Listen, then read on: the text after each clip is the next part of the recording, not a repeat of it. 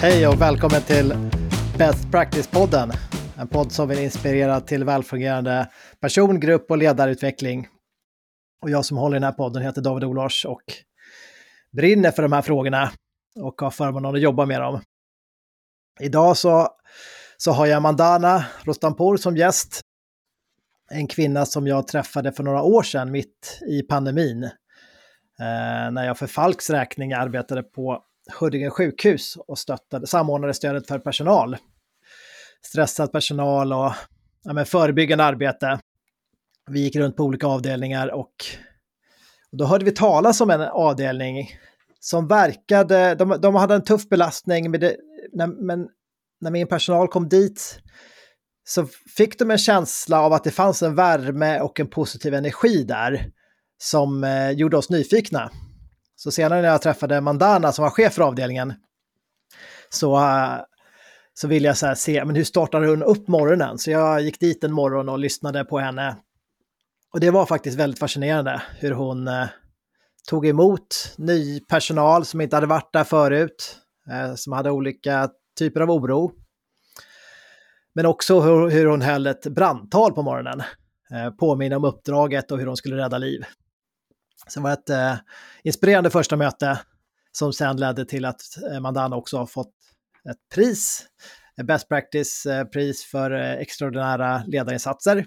Så, så nu är jag väldigt glad att du är här Mandana. Jag tänker att du, innan vi börjar berätta, prata om den här tiden och vi ska prata om andra delar om ledarskap, så tänkte jag bara att du får kort berätta lite grann, men vem är du? Hej David! Tack så jättemycket att jag får vara med. Vilken ära verkligen. Eh, ja, som sagt, jag heter Mandan och Ursprungligen kommer jag från Iran eh, och eh, är sjuksköterska. Eh, och eh, har jobbat med ledarskap regelbundet de senaste fem åren. Och jag trivs väldigt mycket i den rollen. Jag har testat ledarskap tidigare och hoppat av för att jag saknat min roll som sjuksköterska. Men nu har jag kommit in i en annan utveckling och eh, eh känslan att kunna påverka och ha utvecklats som person eh, i min roll också som ledare så har gjort att jag saknar inte andra biten utan att jag vill gärna påverka ännu mer och bli ännu bättre ledare. Ja. Mm. Och, och eh när jag träffade dig första gången och du var chef för den här eh, covidavdelningen, en tillfälligt uppsatt covidavdelning. Så jag berättade i inledningen hur jag upplevde att det, fann, det var något speciellt på er avdelning. Eh, känner du igen dig i det?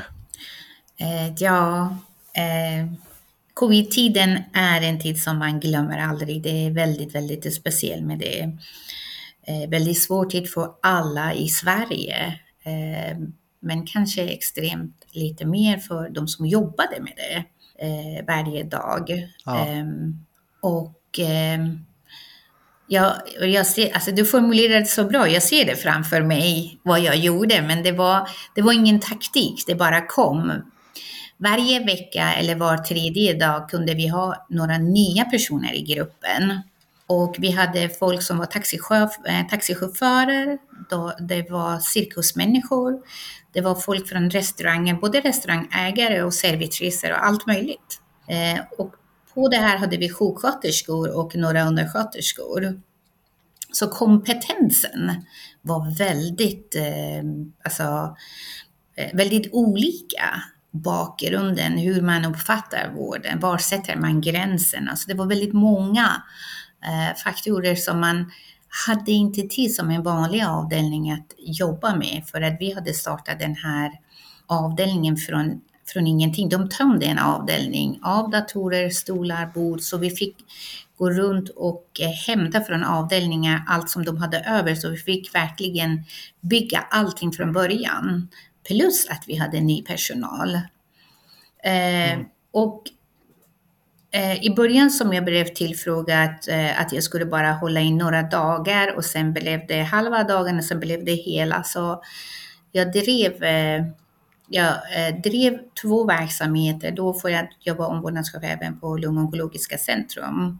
Så självklart min ledning hjälpte mig att driva min verksamhet i Huddinge samtidigt som jag var på covidavdelningen. Men att ha de här människorna med olika bakgrund utan att ha tid för att förbereda dem. Vad ska de göra? De är inte utbildade, de bara kom för att hjälpa till, många av dem. Så mitt första tanke var att skapa en personlig kontakt. Och det var därför på morgonen när ni kom, ja. jag samlade dem och var och en fick presentera sig. Vem, vad heter jag, vem är jag, alltså vad har jag jobbat med innan så att vi visste vad har vi kompetensnivån. Så vissa dagar vi var väldigt rädda hur det här dagen ska gå. Och vissa andra ja. dagar kanske vi var lite gladare. Och sen plus det här var det folk som var väldigt rädda. Eh, rädda att själva bli smittade, rädda att de tar det hem till sina anhöriga, eh, rädda av hela, hela covid. Eh, Just det. Så, och jag tänkte, jag hade i början, de fick presentera sig, men sen tänkte jag, kände att det här räcker inte, jag måste, jag måste ge dem något mer. Eh, för att eh, folk var inte så glada, en del var inte, de ville inte vara där, men de hade blivit skickade eh, från sina ja. arbetsgivare för att alla var tvungna att eh, ge några personal till den här avdelningen. Att eh, eh, kompetent, vi kunde hålla åtminstone någorlunda bra kompetens där. så mitt nästa steg är så här, nej men det här går inte, jag måste ge dem någonting så de förstår syftet. Visst, vi visste alla, vi är här, vi tar hand om covid-patienter. Men jag kände att jag måste ge dem någonting mer, någonting mer meningsfullt, någonting som tar dem på hjärtat, som går under skinnet, så, verkligen, så de verkligen kommer ihåg varför väljer ja. vi jobba i vården? Och det var då som jag sa, jag kom på att ja men vi som är här, vi är inte de som kommer och säger ja, jag såg på nyheterna, jag läste i tidningarna. Vi kan verkligen berätta generation efter generation. Jag var där. Jag var en av dem. Ja. Det blir en annan historia, en annan känsla. Jag har pennan i handen. Det är jag som kan skriva det. Det är jag som kan skriva den här, ja. den här historien som jag vill berätta. Och då, jag kunde verkligen se att en del som var rädda på, på morgonmötet, hur kunde de sträcka på sig, börja titta andra i ögonen. Det var så otroligt kul att se att på något sätt jag påminde dem. Det är någonting som de själva visste, men det var, jag bara satte ord på det.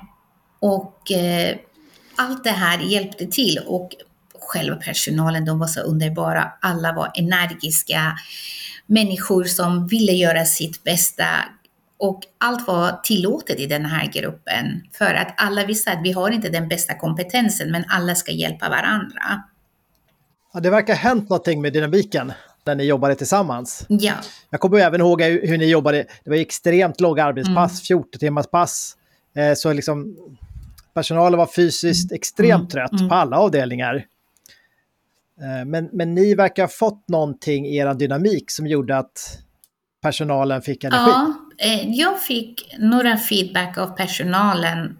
Ehm, alltså just då tänkte jag inte alls på det, som du vet. Vi bara sprang, släckte eld. Men ja. Eh, folk, folk kom till mig och Alltså de hade inte jobbat så länge med mig, men de, de sa att du ser mig. Du ser mig på ett sätt som min chef inte ser mig. Och jag tänkte aldrig på det. Nu när det har gått några år, nu när jag har jobbat i, nu jobbar jag med något annat. Nu ser jag att hur viktigt är det att vi som ledare ser varje individ. Och ja. eh, det, det jag sa till dem när jag såg ett bra egenskap, jag, jag påminde personen om den bra egenskapen som personen har. Jag pratade högt om det. Eh, det bara kom för att jag tänkte så här, hon behöver höra hur duktig hon är. Och inte duktig, alltså jag var mer konkret varför hon var duktig. Ja, hon var, otro, hon var otroligt eh, eh, en av dem var otroligt varm person och eh, hennes sätt att vara mot sina kollegor och mot patienterna. Jag var väldigt trygg i varje bemötande hon hade med patienterna och med personalen. Och jag sa det till henne. Jag är så trygg när du går in i rummet för att jag vet hur du tar den här personen med din värme. Så det, det var någonting som ja. jag påminde henne. Det var inte att jag hittade på den här egenskapen utan att hon kände igen det jag sa till henne. Och ja. jag tror att vi måste, vi måste vara lite, kanske lite mer observanta när vi pratar med våra medarbetare, att vi påminner dem deras starka sidor. Att jag inte bara säger du är duktig, eh, du är ambitiös, men ge det ett exempel varför jag upplever att du är så. Mm. Och eh, det var flera som hade upplevt det här, att eh, jag verkligen hade sett dem. Det var någon som sa till mig att eh, du är otroligt generös, du är väldigt snäll och du låter folk ska växa bred, alltså du låter folk att växa. Det är inte så att du vill ha allting för dig själv. Du delar med dig av dina kunskaper. Du låter att folk ska vara i strålkasten. Um, ehm, och jag själv mår bra när jag, när, när jag ser att en person växer. Uh, jag tycker det är väldigt roligt. Jag, tror, jag håller verkligen med eh, det du säger nu om att i den gruppen så kändes det som att eh, personalen och medarbetarna mm. vågar vara sig själva och, och de här positiva egenskaperna som du lyfte upp mm. fick blomma ut. Uh, jag kommer ihåg även när jag var med på ett, en reflektion efter att ni hade liksom lagt ner verksamheten så var det många som lyfte upp det, hur de, hur de kunde vara sig själva och hur de... Men det var okej att medge att man inte visste mm. eller tyckte att någonting var svårt. Mm. Att det var en sån atmosfär. men också att de här... ja, men det, var, det var så mycket blandad kompetens och restaurangägare och servitörer, att de också fick komma till rätta och ja, men, göra det de kunde. Jag tror det var någon som sa det att de hade uppskattat hur den, den personalen, hur de alltid liksom spred en, en mm. Eh, bra stämning. I restaurangen så hade de det här sättet att man, man kan gråta ut hos kocken, men när man går ut till, till, mm. till gästerna så ja, men då får man liksom eh, visa sitt mm. bästa jag. Och det sättet verkar de ha tagit in där. Ja, verkligen. verkligen. Det var okej. Okay. Det här att vi visste att vi har restaurangpersonal som inte kan. Okej, okay. det var bara att förklara för dem att jag vet och därför på grund av din kunskap ska du göra ja, den och den delen. Vi hade en tjej som, jag kommer inte ihåg, eh, hon hade eh, hon kom också från restaurangbranschen. Hon var väldigt liten och hon ville gå och hjälpa patienten och lyfta dem och alltså få dem att stå eller lyfta dem i sängen. Och så sa vi till, för att vi hade satt gräns med tanke på vilken kompetens de hade, hur mycket fick de komma närmare patienten med tanke på den kompetens de hade. Ja. Och hon ville så gärna gå in i rummet och så sa vi hela tiden, nej men du kan inte gå. Men jag vill. Jo, du vill, men alltså, då försöker jag förklara för henne. Du är inte utbildad för att hur ska du lyfta en patient. Du kan skada en patient eller skada dig själv. Så att det är då alltså att förklara gränserna. Varför sätter man en viss gräns? Och då förstår medarbetaren också. Det är inte för att jag, av olika anledningar, utan att det finns en faktiskt genomtänkt tankesätt bakom det här och jag får göra den här mm. arbetsuppgiften men inte mer. Inte för att min arbetsgivare är sur på mig eller inte tycker om mm. mig utan att det är något annat som är bakom det. Och det kanske, tar, det. kanske tog mig 15 sekunder att förklara för henne men det gjorde att hon, hon förstod att det finns en tanke bakom det. Ibland säger vi att jag hinner inte. Men vi ska försöka att inte glömma, gå tillbaka, säga du, om jag sa nej, det är på grund av det här, det är nu jag hinner prata med dig. Och jag vill att vi ska bolla tankar. Mm.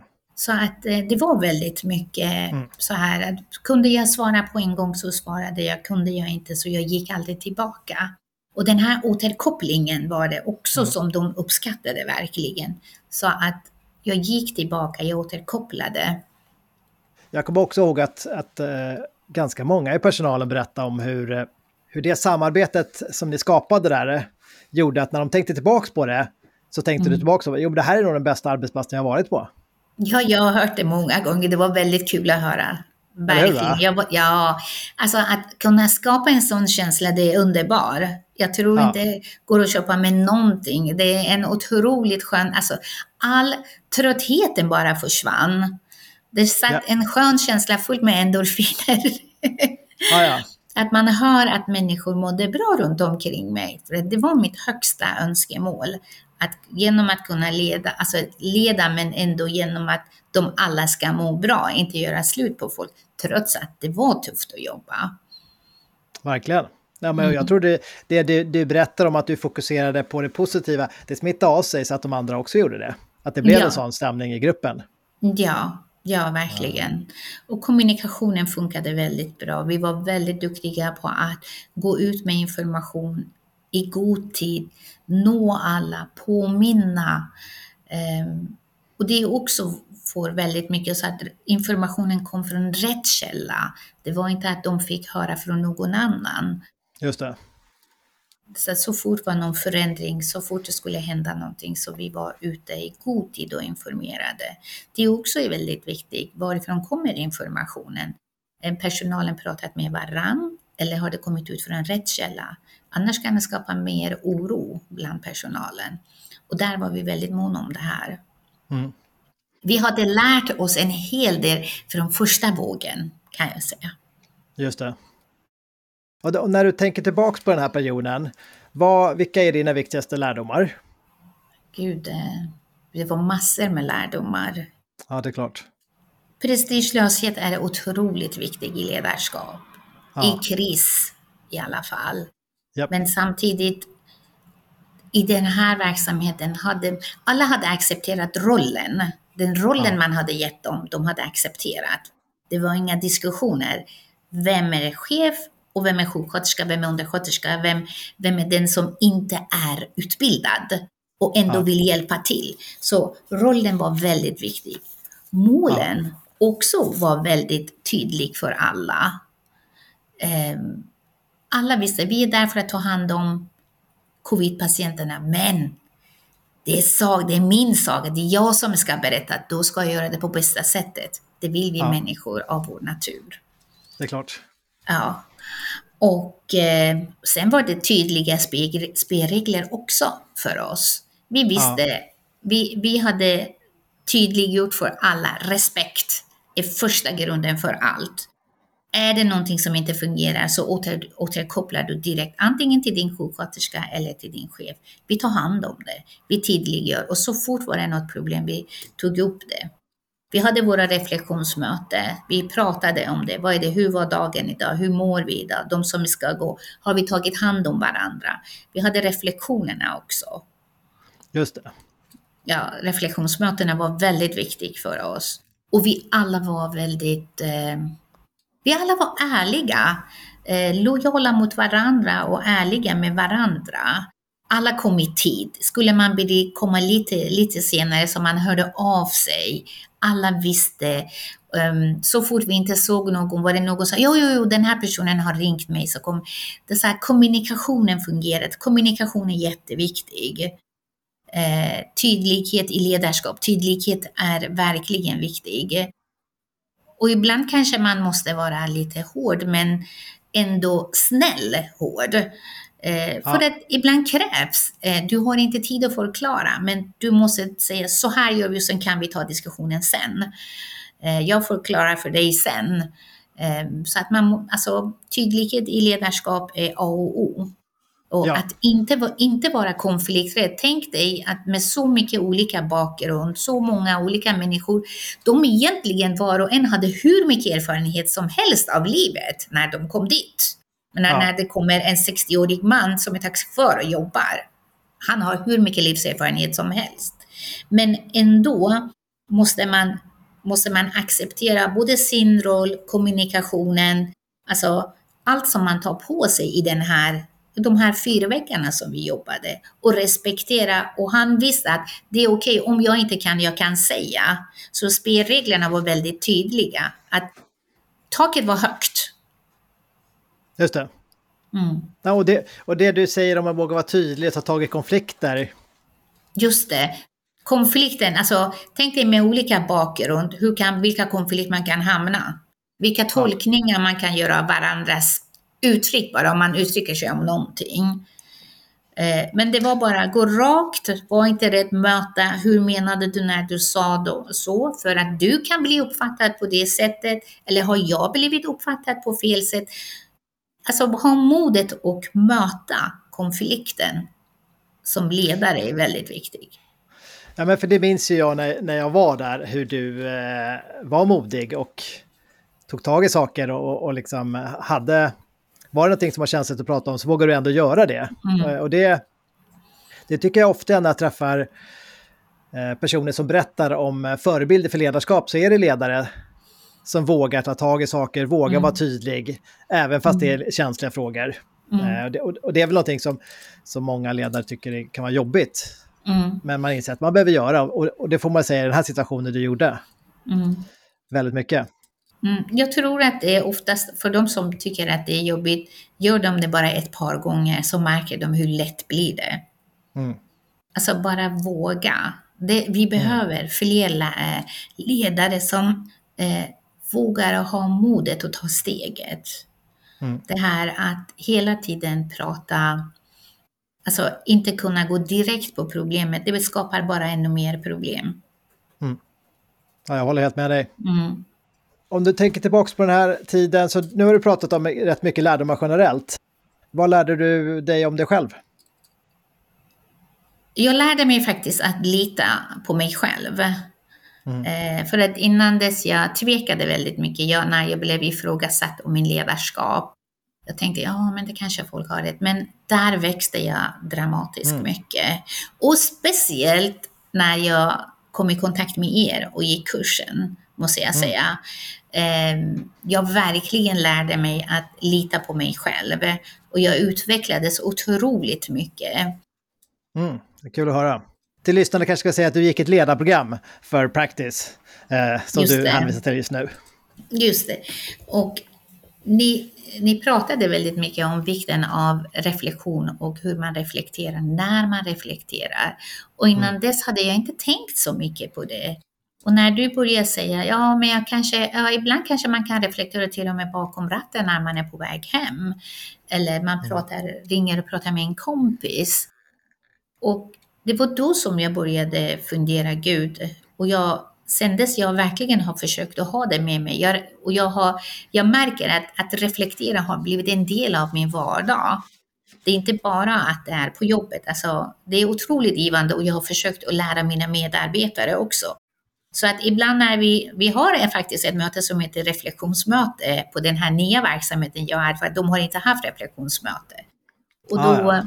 Ja, och då säger de, och så säger jag till dem att ja, men det är reflektionsmöte, så ni kan reflektera precis som ni vill och så kan vi ta det därifrån. Super. Det är då som folk börjar prata med varandra. Ja. Eh, så att eh, det är väldigt mycket jag lärde mig på kursen, men det här är någonting som har blivit min vardagsmat. Ja, men, tack för exemplet. Ett bra sätt mm. att ta in reflektion i vardagen. Mm. Jag tänkte gå vidare på en, en, eh, ett område som, eh, som vi har pratat om förut, som jag vet att du brinner för. Multikulturellt ledarskap. Ja. Vad innebär det för dig? um, idag på de flesta arbetsplatser har vi väldigt många icke-svenskar, alltså svenskar som har en annan eh, ursprung. Ja. Och det är andra generationen, första generations invandrare som börjar jobba i Sverige och pratar bra svenska och hanterar. Men med tanke på den bakgrunden man har, ibland man kanske inte förstår, alltså vi måste ha lite olika typer av ledarskap. Eh, på en, alltså jag kan säga så här, eh, jag går tillbaka till covid-avdelningen. Om jag hade svenska medarbetare så kunde jag säga till dem att ja, men jag skulle bli väldigt tacksam eh, om du skulle göra så. Och det var ingen fråga. Men jag hade en tjej som sa, nej men jag har ingen lust. och så mm. sa jag, men du, eh, just nu är inte lusten som styr. Och då var jag tvungen att tydliggöra mig. Och det mm. var kanske lite på grund, på grund av eh, språkbristningar. Eller man mm. inte har förstått så koderna i språket. Så att det. det. vi behöver, vi, behö vi behöver förstå hur andra kulturer kommunicerar med varandra. Mm. Så att vi lättare kan kommunicera med dem. Så att mm. vi inte säger att en person, vi inte sitter på ett möte och säger ja personen eh, förstår inte vad jag menar. Men personen kanske kommunicera på ett annat sätt. Så vi måste mm. förstå, när vi tar rollen som ledare på oss, vi tar också den rollen på oss att jag måste förstå alla, inte alla ska, måste förstå mig. Jag har det ansvaret också, jag måste förstå alla andra, de andra. Mm. Och om personen inte förstår mina, eh, alltså hur jag vill att det ska, ett arbete ska skötas, då måste jag ta den här personen och förklara. Och säga mm. så här vill jag ha, om jag inte mm. kan göra det i grupp. Men så är det så att vi måste börja fundera att det är inte bara det jag säger ska vara tydligt, utan att jag måste även förstå andra. Det är som att introducera personerna, människor. Du tar dem mm. på ett jobb och du säger dem, ja men så här brukar vi göra på det här jobbet. Du ska följa den, den, den, den punkten, så har du det skriftligt framför dig så kan du följa. Men människor lär sig på olika sätt och människor har, behöver, behöver också olika tid för att lära sig. Och det gäller precis samma sak när det gäller arbetskultur av människor mm. som har en annan kultur. Så där, där också kommer en annan krav på dagens ledare. Har du några favorittips för att lyckas med den här typen av kommunikation?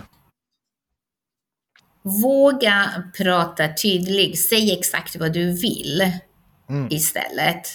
Att säga det skulle vara bra utan att man skulle säga ja men idag måste vi börja arbeta så för att vi behöver det och så tydliggör man. Men det är bara, man är bara tydlig. Just det. Och sen kan vi utvärdera. Har du testat på Eh, det är ett krångligt ord, med closed loop kommunikation vet jag man har eh, studerat inom arbetspsykologin. Mm. Vilket innebär att den som man har berättat vad någon ska göra, den får återberätta det. Det låter lite, lite militäriskt här, för där i, i militära så hade man ofta det som en rutin. Att man, man liksom återberättar vad man skulle göra för någonting. Och det har man ju sett minska missförstånd något otroligt liksom. Mm. Oftast så ser man ju när en, när en person återberättar att men det där var inte riktigt det jag mm. sa. Och så kan mm. man ha möjlighet att justera där. Mm. Har du testat på det någonting? Eh, nej, faktiskt, jag har inte gjort det. Men eh, jag tänkte, jag ska ta någon liknande testa på en medarbetare som vi håller på att skola in och vi känner att det går inte lika bra som vi har önskat oss. Ja. Så eh, jag tänkte att min medarbetare ska berätta för mig hur personen upplever sitt ansvarsområde. Ja. Och berätta vad har jag för ansvarsområde och hur, hur jag går till. Berätta för mig. Ja. För att tydliggöra vad är det som saknas. För att allting ska, poletten ska falla på plats. Nej men precis. Jag, jag, jag tycker att det själv att det, det funkar fantastiskt. Mm. Sen får man kanske göra det med lite finess så det inte låter så militäriskt. För, för om jag säger till dig, ja, men jag vill att du ska ta ansvar för den här uppgiften, slut, frågor, repetera, så sa man i militära. Det, mm. Och det kanske inte passar sig i ett civilt samhälle, men, men ändå att, att be en person återberätta vad, vad den fick för uppgift. Uh, eller ha för ansvarsområde som du sa, det tror jag underlättar jättemycket. Ja, ja, vi behöver inte vara lika hårda som militären, men eh, precis som du säger, vi formulerar lite mjukare så vi vill höra eh, hur personen upplever antingen informationen som jag har gett eller arbetsuppgiften. Så att eh, det är som att det var missförståndet exempelvis. Vi hade sagt att det är okej okay att folk stannar jobba över. Vi behövde ja. lite komma ikapp och sådär. Och sen hittar man en tjej som har jobbat till 11 på kvällen och så säger man, men varför har du stannat till 11? Men vi ligger back och ni har sagt att det är okej att jag jobbar. Men det var inte, vi menade, vi skulle inte ens drömma att någon stannar till 11 på kvällen. Exempelvis. Ah, ja, ja. Stanna över för oss var det två, tre, fyra timmar, men inte till 11 på kvällen. Eller komma ja. klockan fyra på morgonen till jobbet för att man vill komma ikapp, för att man vill vara lojal mot sin arbetsgivare också. Det, det är för tidigt. Det är väldigt många andra regler som inte gäller när man kommer för tidigt. Just det. Så att, ja, det är det som att man, man måste vara tydlig. Ibland kräver en lite extra tydlighet. Så mm. att det kanske skulle vara okej okay, där hon kommer ifrån att komma jättetidigt eller stanna sent och jobba. Men mm. vi kanske måste vara lite mer, mer tydliga. Just det. Jag brukar ibland prata om falsk konsensus. Man tror att man är överens om någonting. Men mm. det, är, det, är, lätt att tolka saker olika. Så, så, yeah. så man behöver verkligen vara tydlig. Verkligen, verkligen. Har du något ytterligare tips kring det multikulturella ledarskapet som du tänker på? Nej, alltså för att jag säger så här i min, i min grund och botten tänker jag behandla människor som du vill bli behandlad. Mm. Så äh, träffar du en person från en annan kultur, det är som att bemöta människor alltid med respekt. Så blir ja. du bemött med respekt. Så att egentligen, det är inte så mycket stor skillnad, det är bara att jag tror att vi måste tänka bara hur vi kommunicerar och hur vi formulerar oss um, för att vara tydlig. Eh, och behöver vi, vi gör precis den metoden som du nämnde, att ja, men berätta för mig, alltså, har jag, om du har förstått mig rätt, jag vill bara vara säker. Just det. Ja, men tack. Då tänkte jag hoppa vidare på ett nytt område som, som kanske var anledningen till att jag, eh, jag för Falks räkning och många andra psykologer och beteendare var inom sjukvården och stöttade. Det var ju för att stötta er att må bra. Eh, mm. och och ofta chefer som är helt upptagna med att skapa förutsättningar för sin personal, ska de fungera bra i längden så behöver de även skapa förutsättningar för att eh, må bra själva.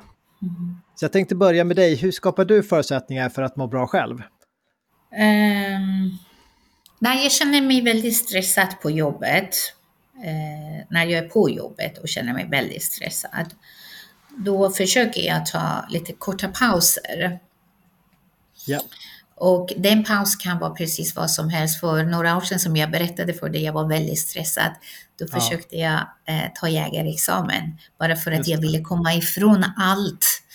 Ja. Eh, och eh, det gav mig otroligt mycket hjärnvila som jag verkligen behövde. Det för att min hjärna gick alltså, konstant och tänkte om jobbet. Hur ska jag lösa ja. det problemet? Hur ska jag lösa? Hur ska jag vara duktigare och duktigare och duktigare? Ja. Men eh, med hjälp av den här kursen kom jag ifrån. Ja. Eh, jag har inte tagit jägarexamen, jag kom aldrig till skjutbanan. Nej, nej. Men... Du, du, fick pausen i alla fall och tänka jag på sig annat. Exakt, exakt. Och det är det som eh, jag får väldigt mycket energi genom att umgås med vänner och släkt och det tar jag på helgerna. På jobbet ja. försöker jag ta, väldigt korta paus. Det kan vara att jag går och tar en kopp kaffe och så pratar jag med en annan medarbetare om någonting som hon har berättat för mig som har hänt i hennes liv. Ja. Om hon har tid, om jag ser henne i korridoren. Eh, ja. Och det räcker för mig. Men eh, annars det är väldigt, eh, alltså som många andra människor, försöka träna, gå på promenader, umgås med människor som man mår bra. Och eh, nyligen har jag blivit väldigt intresserad av matlagning också. Så mm. Någonting som jag aldrig varit, men jag har hittat ro i den här också. Ja. Det är ganska kul. Mm. Ja, det känns som att du fångade in alla de här klassiska områdena. Vila, motion, eh, äta sunt, umgås med sådana mm. som man tycker om. Men jag är inte lika duktig som du eh, att komma igång med eh, meditation. Det, Nej, har det... jag, det har jag kämpat, du vet jag har kämpat med det länge fram och tillbaka. Ja. Men jag men... det tar sin tid. Och det ja, har jag ja. accepterat. Jag, jag är glad om jag får meditera en dag i veckan. Eh, jag, tar, jag gör det en gång hellre än att inte göra alls. Eller ha det kravet på mig att jag måste göra varje dag. Och sen hittar jag så småningom balansen ja. i det också. Ja, men det är ju ett sätt som hjälper mig. Sen mm. tycker jag när jag träffar olika personer så är, det finns ju andra aktiviteter som kan försätta en i liknande tillstånd. Mm. Om det är fiska eller gå en promenad i skogen eller plocka svamp. Mm. Så, så tänk att det, det, finns likheter där även om det finns skillnader mm. också. Mm. Har du någon annan sån aktivitet som du, som du gillar? Ja, eh, när du sa det här, jag tänkte på det uppdraget jag tackade jag i Norrbotten. Aha. Eh, jag kom i kontakt med ett fantastiskt eh, spännande och nytt kultur i Sverige, trots att de är i Sverige, men man lever på ett annat sätt och man har helt andra annat sätt att arbeta och man har naturen som en del av vardagen, som hade för mig blev naturen en del av vardagen. Så ja. eh, jag plockade blåbär och lingon och eh, svamp, karljohan väldigt mycket där uppe. så, ah, ja. Eh, ja, så jag kom i den, i den världen också och eh, det var helt, helt fantastiskt. Just det. Det förstår jag. Jag tycker även när jag var på covid-avdelningen och pratade med personalen så var det väldigt många som återkom till att vad som hände när de gick ut i naturen. Mm. Eh, vi hade ju meditationer som vi, som vi gick dit och, eller medveten andning eller mindfulness, mm. man kan kalla det lite olika saker, som personalen uppskattade. Men många återkommer till att just vara ute i naturen. Mm. Eh, jag vet att vi även japanska Shinjoko, skogsbadar, liksom där, Japan har man ju forskat mycket på vad som händer mm. Mm. när man går ut i, i naturen och där Just till och med ordinerar ju läkarna det att gå ut i naturen och vara, vara medveten och lyssna och mm. känna och lukta. Mm.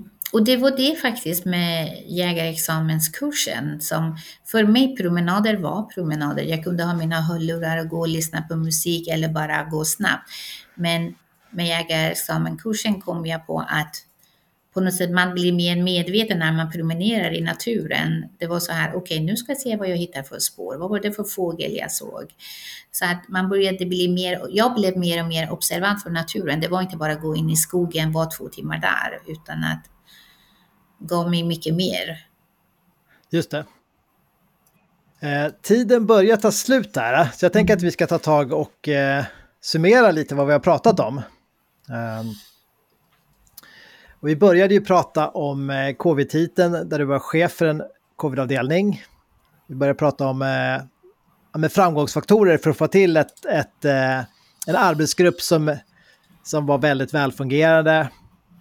Där det fanns mycket värme och energi trots extremt hög arbetsbelastning, väldigt långa arbetspass och en, en, en tuff miljö mm. som framkallar mycket oro och rädslor. Eh, mm. Och du lyfte upp eh, förmågan att se det positiva i människor. Uh, att, att uh, både se det men uppmärksamma det också. Inte bara mm. säga bra jobbat utan berätta vad du såg att de var bra på. Mm. Uh, och, och, få en positiv energi. Mm.